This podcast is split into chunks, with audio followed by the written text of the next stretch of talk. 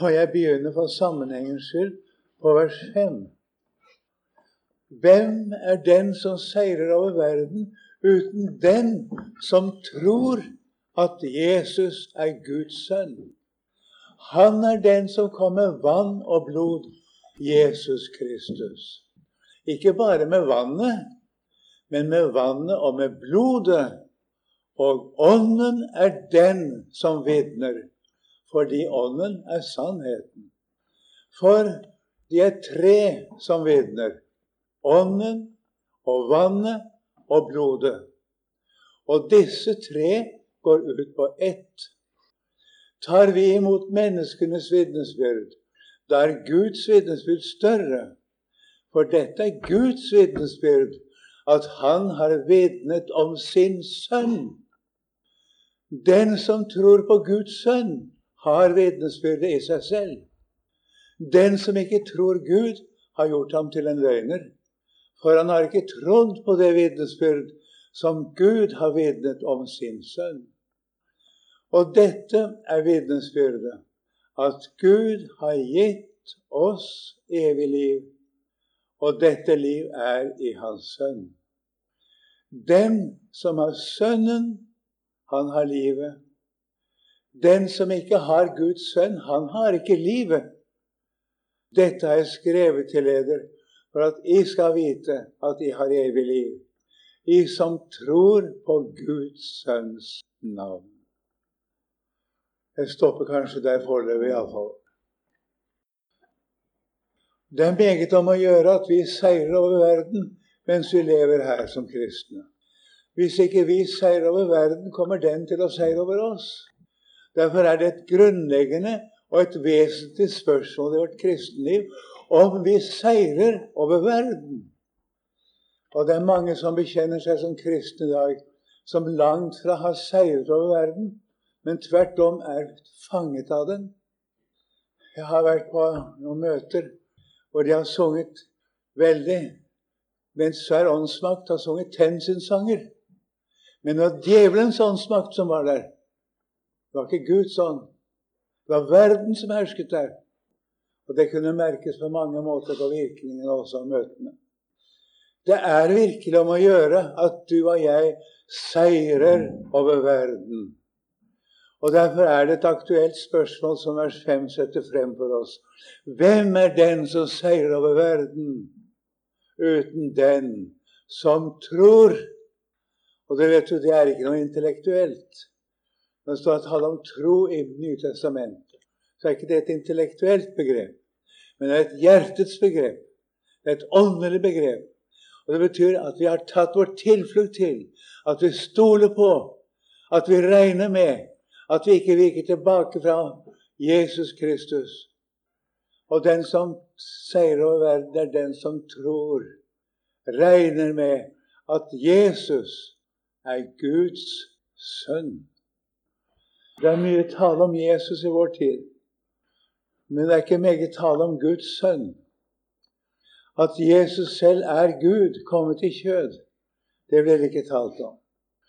Selv ordet Gud, uttrykket Guds sønn kan bli nevnt, men det er ofte tydelig at det er ikke i den forstand som det nevnes i Skriften.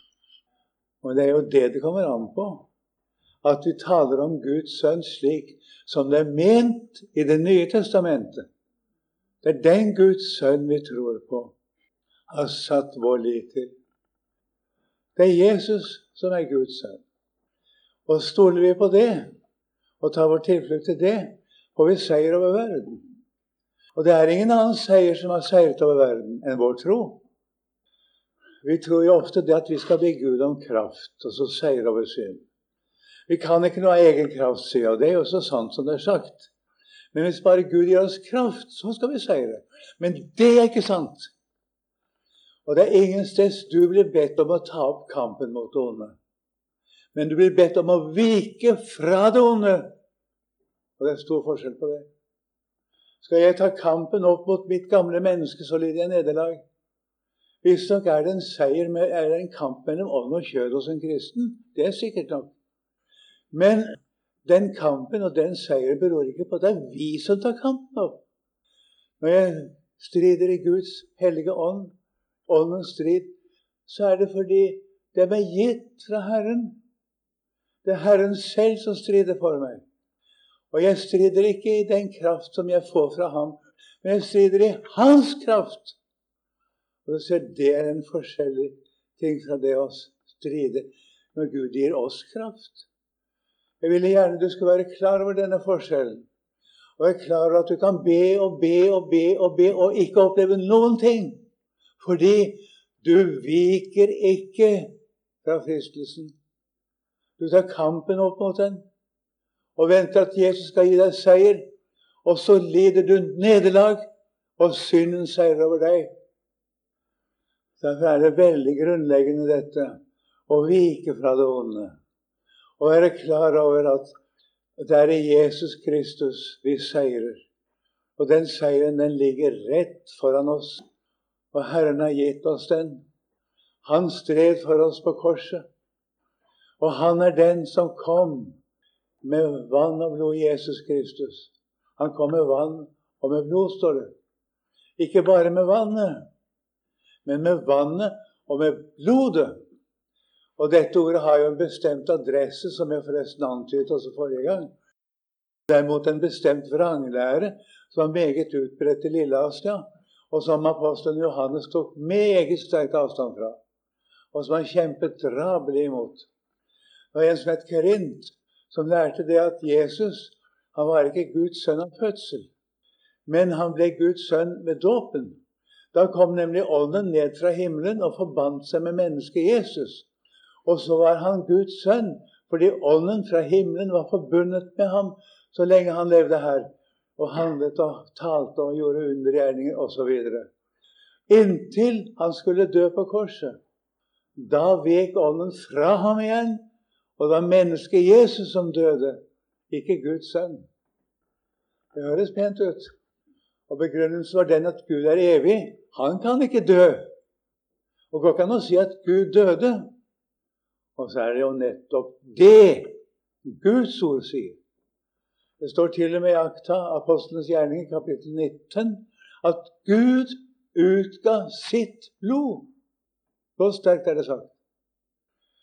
Og det er mot dette han sier det at han kom ikke bare med vannet. Jesus kom ikke bare i dåpen. Det er riktig at han gikk i dåpen. Han kom med vannet, og det skal vi være glad for. For det som skjedde i Jesu dåp, det har jeg jo nevnt før, det er at han, Guds egen sønn, bekjente alle våre synder som sine. Han sa det i dåpen, i bekjennelsen som han ga Johannes i dåpen. Han ble døpt på syndsbekjennelse, Jesus også, som alle andre som kom til Johannesdåpen. De kom for å bekjenne synd, og det gjorde Jesus. Mer enn noen annen. Han bekjente at alt det som mennesker har forbrutt og gjort, det må du kreve av meg. Det er jeg som fra nå har ansvaret for alle mennesker. Og Det er store ting. Dette har Jesus bekjent i dåpen. Han kom med vannet. Det gjorde han. Og det er sikkert nok. Og det skal du og jeg bare tenke på med takk i vårt hjerte. Og vi skal gjøre bruk av det. Når synden anklager oss, som den ofte må, når Den hellige ånd avslører oss, som han ofte må, og viser oss hvem vi er i oss selv, og hva vi er i oss selv For det må han gjøre. Det kan ikke han slutte med. Så skal du vite at den som er ansvarlig for det du ser, det er Guds egen sønn. Han kom med vannet. Men han kom ikke bare med vannet. Han kom med vannet og med blodet. Han døde på korset for våre synder. Og med sitt blod fridde han oss ut. Han ga seg selv for oss. Er det rettferdighet å få ved loven? Da er Kristus død forgjeves. Men det er ingen rettferdighet å få ved loven, ved ord om hva vi skal være eller gjøre. Og det er ingen rettferdighet å få med ber Gud tusen ganger om kraft. Men det er ved Jesu blod der ble vi fri. Han kjøpte oss fri fra våre synder med sitt eget blod, og det skjedde på korset. Derfor, da han måtte gå ned i dødsriket, kunne ikke dødsriket holde på ham. Det står jo det at den som er rettferdig etter loven, skal leve. Det er én som er rettferdig etter loven. Og det var han som bar ansvaret for våre synder. Han er rettferdig etter loven. Da han kom i dødsriket, kunne ikke dødsriket holde på ham. For han hadde retten som Gud har tilsagt mennesket som holder loven. Han hadde retten til å leve. Og det viste seg den tredje dag etter han var død. Han sto opp igjen fra de døde. Og da het det at Gud oppvakte ham fra de døde. Visstnok har Jesus også sagt det at han kunne ta sitt liv igjen om han ville. Men det er ikke bare det, han, det som skal betones her. Men Gud oppvakte ham fra de døde fordi nemlig han er rettferdig og fullkommen. Og den rettferdighet som Jesus legger for dagen i sin oppstandelse, det er din og min rettferdighet for Gud. Så kan vi jo spørre deg, hva med oss da? Gud regner ikke med oss. Vi er satt ut av betraktning for alle tider. Vi er korsfestet med Kristus. Da Jesus døde, da døde du og jeg i Guds øyne. Vi døde med ham på korset. Én er død for alle, derfor er de alle døde. Så han ser ikke på oss på den måten. Han ser oss, men han anser oss ikke etter det vi er i oss selv. Han anser oss, han regner med oss etter det som vi er i Guds sønn. Derfor er det svært så viktig det som står her om et tredobbelt vitnesbyrd. Ånden er den som vitner, står det. Det er ikke riktig å si at Jesus fikk Guds ånd i dåpen. Det er ikke det det står. Det står at Ånden er den som vitner.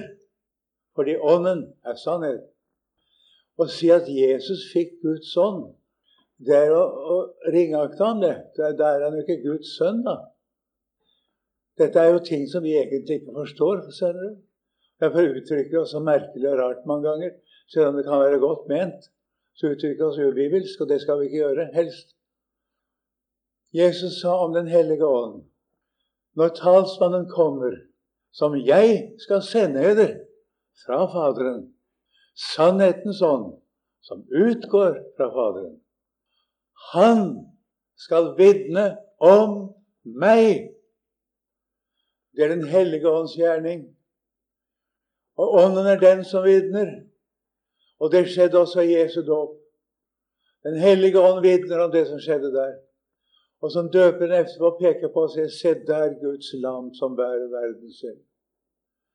Døperen kjente ham ikke før han døpte ham. Men da han hadde døpt Jesus, så skjønte han hva Jesus hadde bekjent. Han forsto jo det med det samme Jesus kom, at her sto han ansikt til ansikt med den syndfri. Og Derfor nektet han jo å døpe ham til å begynne med. Hva skulle den syndfrie syndere stå? Ja, Det er menneskelig å regne slik. Men la det nå skje, sier Johannes. Og Der står det et 'nu', som betyr at denne ene gang. Det betyr at det som nå skjer i Jesu dåp, det er ikke hendt før noen gang, og kommer aldri til å gjenta seg. Derfor skal vi ikke oversette når vi leser dette, så skal vi ikke lese 'la det nå skje'. Vi skal lese 'la det nå skje'. Det er det det står. Og så ble altså Jesus døpt. Og så ble han døpt på det at han skulle dø. Han skulle ta straffen, ta dommen over synden. Og Gud iverksatte hele dommen over synden på Jesus. Og vi skjønner jo det når du ser den angst som du møter hos Jesus før døden. Tenk på hvordan han led i Getsemane. At han har i sitt kjøtts dager med skrik og nødrop ropte ham som kunne frelse ham fra døden. Hva er det han er redd for? Det var ikke den legemlige tortur den har mange måttet bære. Den var jo fryktelig. Det var den. Og når min sjel forferdet, sier Jesus på veien opp til korset, hva skal jeg si? Fader, frels meg fra denne timen. Dog nei! Derfor er jeg kommet til denne timen. Så måtte dette skje, at Guds egen sønn måtte smake fortapelsens gru. Var det han måtte. Var det han gruet for. Han måtte ta konsekvensen av vår synd. Og det er fortapelsen, det. Den måtte han smake. Men at denne fortapelsens gru traff Jesus, traff den et menneske som holder mål etter loven, Guds hellige lov. Og så sto han opp igjen. Han kunne ta sitt liv igjen, ja. Og Gud oppvakte ham fra de døde for å vise det. Han er rettferdig. Og så ble våre synder og dommen liggende igjen i graven. Jeg ser mitt skyldebrev, står det i en salme. Til korset naglet ble. Og i din grav i haven, der er min synd begraven til evig skjul og hjemme. Og det er sant. Det er det Guds ord sier. Og det er det som jeg så sjelden hører i dag. Jeg hører stadig på radioandakter jeg vil si at noen av dem er jo troende mennesker, og de taler for så vidt Guds ord på en måte, da. Men ikke slik at noen kan bli frelst ved det. Du må høre alt Guds ord og hele Guds råd. Og det er det apostelen Paulus sier til Efesermenigheten siste gang han er sammen med dem. Jeg har ikke holdt noe tilbake. Jeg forkynte dere hele Guds råd. Og det hele Guds rådet betyr alt om Kristus. Det Det betyr ikke at han forkynte alt fra skapelsen til Johannes' åpenbaring. Det er noen som tolker det slik, men det er ikke meningen. Men det betyr at alt som er i Kristus, har Paulus forkynt. Han har ikke holdt noe tilbake, men alt ble forkynt. Og det som er feilen i dag med så mye forkynnelse, det kan man nesten si den vanlige forkynnelsen, er at så mye er holdt tilbake av det som Guds ord sier til vår frelse. Derfor har vi et budskap som er et tredobbelt vitnesbyrd gitt av Faderen selv. Det er Jesus som vitner dåpen. Han vitner på korset. Det vitner sterkt, det som skjer på korset, at vi er fri. Og så er det Den hellige ånd som vitner. Og så blir de tre da som vitner. Ånden og vannet og blodet. Og disse tre går ut på ett. Til sammen vitner dette om at vi er frelst. Det er én som har frelst oss, som har kjøpt oss fri fra hele, hele meg, hele mitt liv. Alt hva jeg er, alt hva jeg har tenkt, hva jeg har ment, hva jeg har følt, hva jeg har opplevd og alt hva jeg har forsømt. Han har kjøpt meg fri.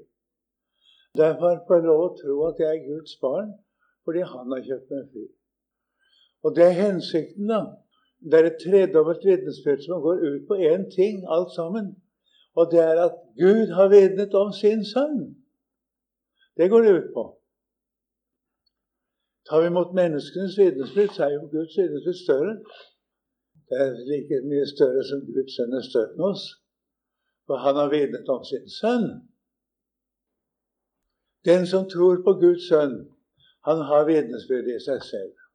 For det som du tror på, slik som Guds ord ber deg om å gjøre det eier du. Det som du tror på, det har du, sier Luther så ofte.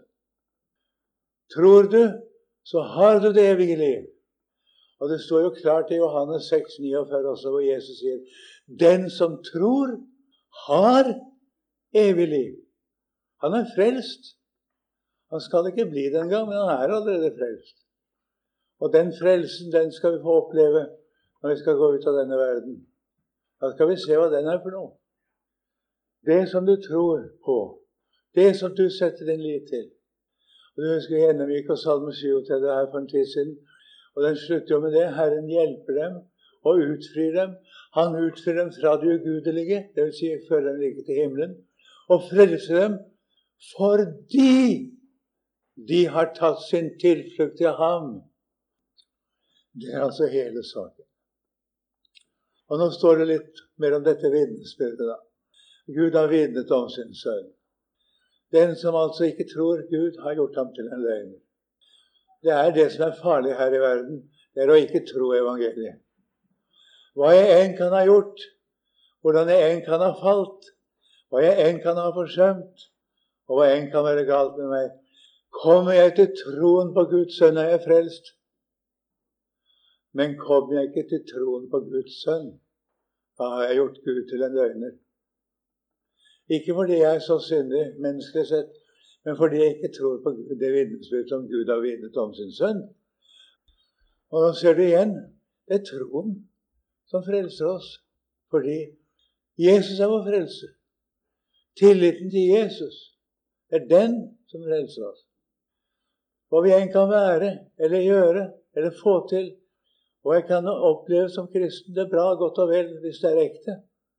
Men jeg blir ikke frelst ved noe annet enn ved troen på Guds sønn. Og ved denne troen er jeg altså forenet med Jesus. Derfor sier altså Guds ord veldig klart at ingen skal kunne misforstå det. Gud har vitnet om sin sønn. Og dette er vitnesbyrdet, vers 11. At Gud har gitt oss evig liv. Og dette liv er i Hans Sønn. Det er jo veldige ord, altså. Fatter du rekkevidden av det? Men det er Gud som sier det. Dette liv er i Hans Sønn. Så kommer konklusjonen, da. Den som har Sønnen, han har livet. Det er med alt sagt om hva det er å være en kristen. Det kan ikke sies mer konsentrert og mer fullkomment enn det er sagt i den ene setningen. Og jeg har fått anvende det noen ganger i sjelesorga. Jeg har snakket med mange fromme mennesker og mange mennesker som har vært regnet for å være gudfryktige, og mange som har ment om seg selv de har hatt store opplevelser, så har det vist seg det at de var ikke frelst da det kom til stykket. De hadde ikke Guds sønn. De hadde ikke engang forstått budskapet om Guds sønn. Og det har vi mye av i vår tid. Jeg undres på når vi hører møter og taler og Og jeg kan jo ikke si det er galt, det de sier. De sier ikke akkurat noe galt, men de sier ikke nok.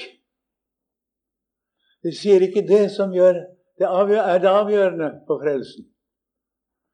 Derfor skjønner du at når vi skal forkynne evangeliet, så blir vi nokså ensidige. Og det er nokså mye gjentakelser.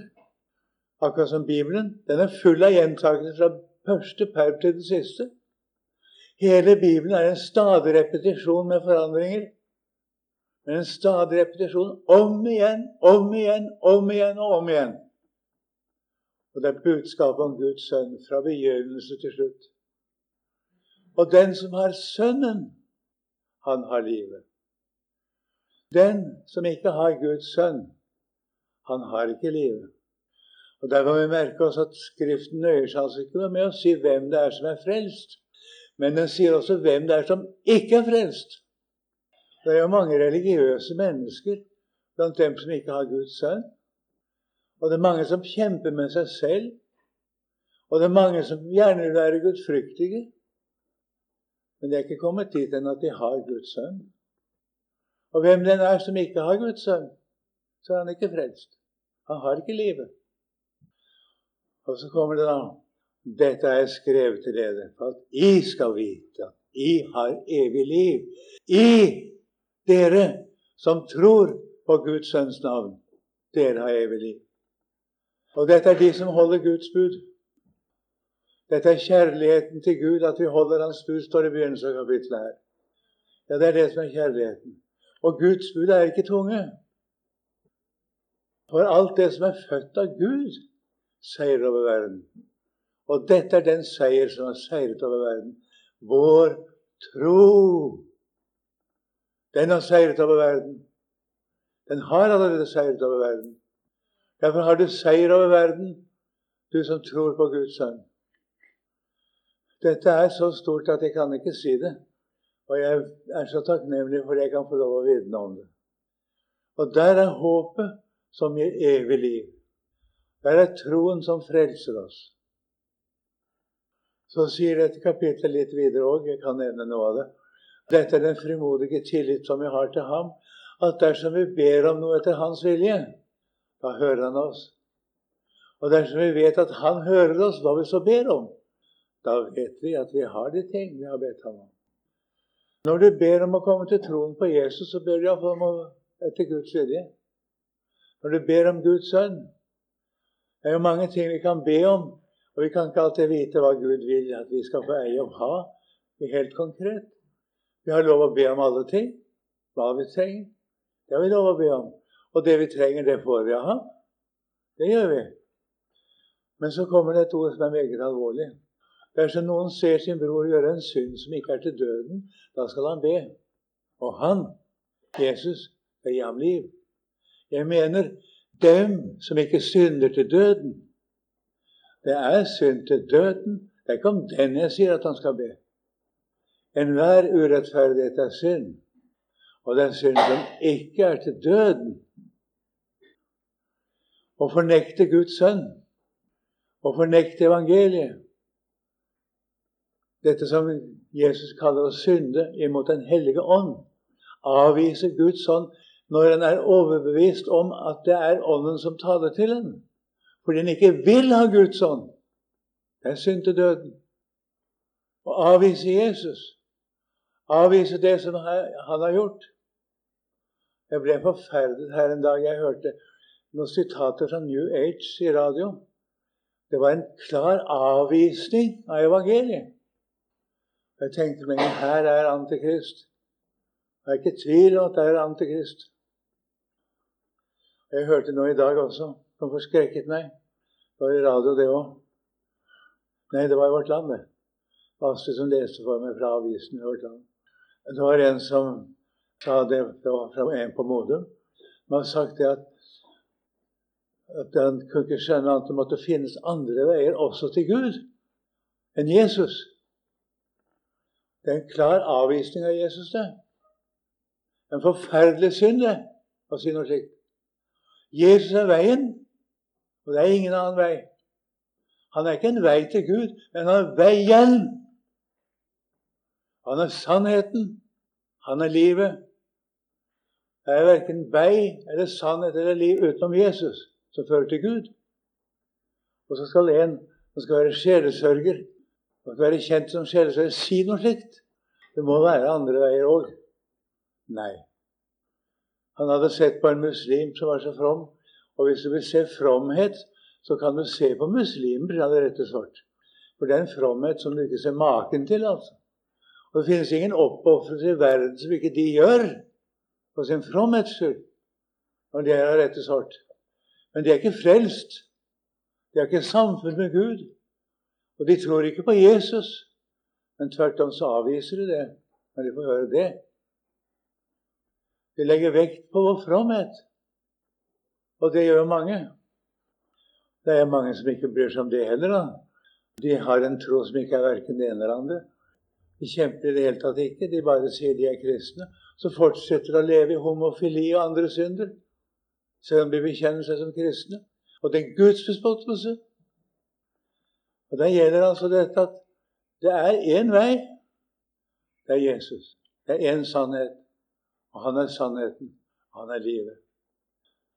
Vi vet at den som er født av Gud, synder ikke, sier Johannes videre her.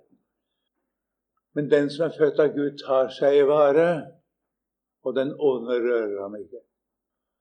Og det er sant at djevelen får ikke makt over den som tar seg i vare.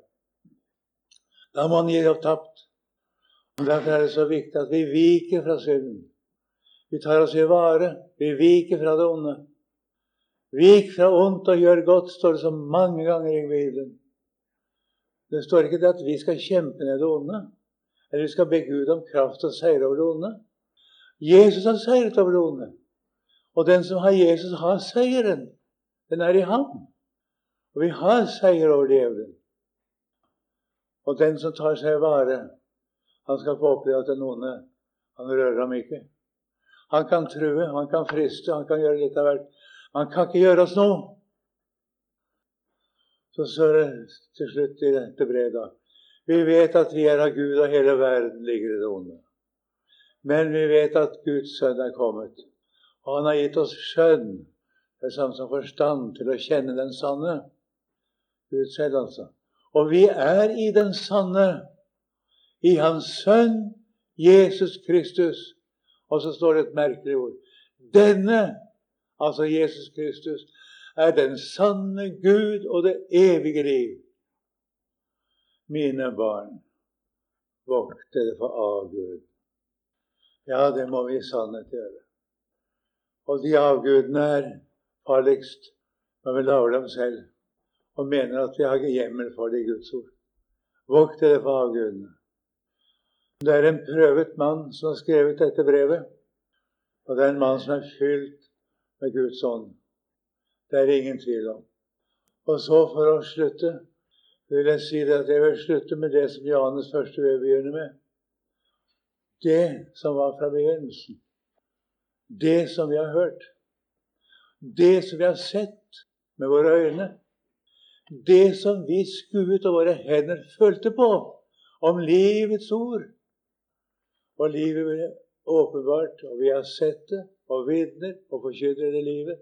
Det evige som var hos Faderen og ble åpenbart for oss. Det som vi har sett og hørt, det forkynner vi og gjelder. For at og jeg kan ha samfunn med oss. Men vårt samfunn er med Faderen og med Hans Sønn Jesus Kristus. Dere forstår at all åndelig fornyelse ligger å gå tilbake til begynnelsen, til opprinnelsen. Det som er fra begynnelsen. Det som vi har hørt, osv. All åndelig fornyelse ligger i det. Derfor står det i 1. Johannes 3, kapittel 2, vers 14.: La det bli i dere som dere hørte fra begynnelsen.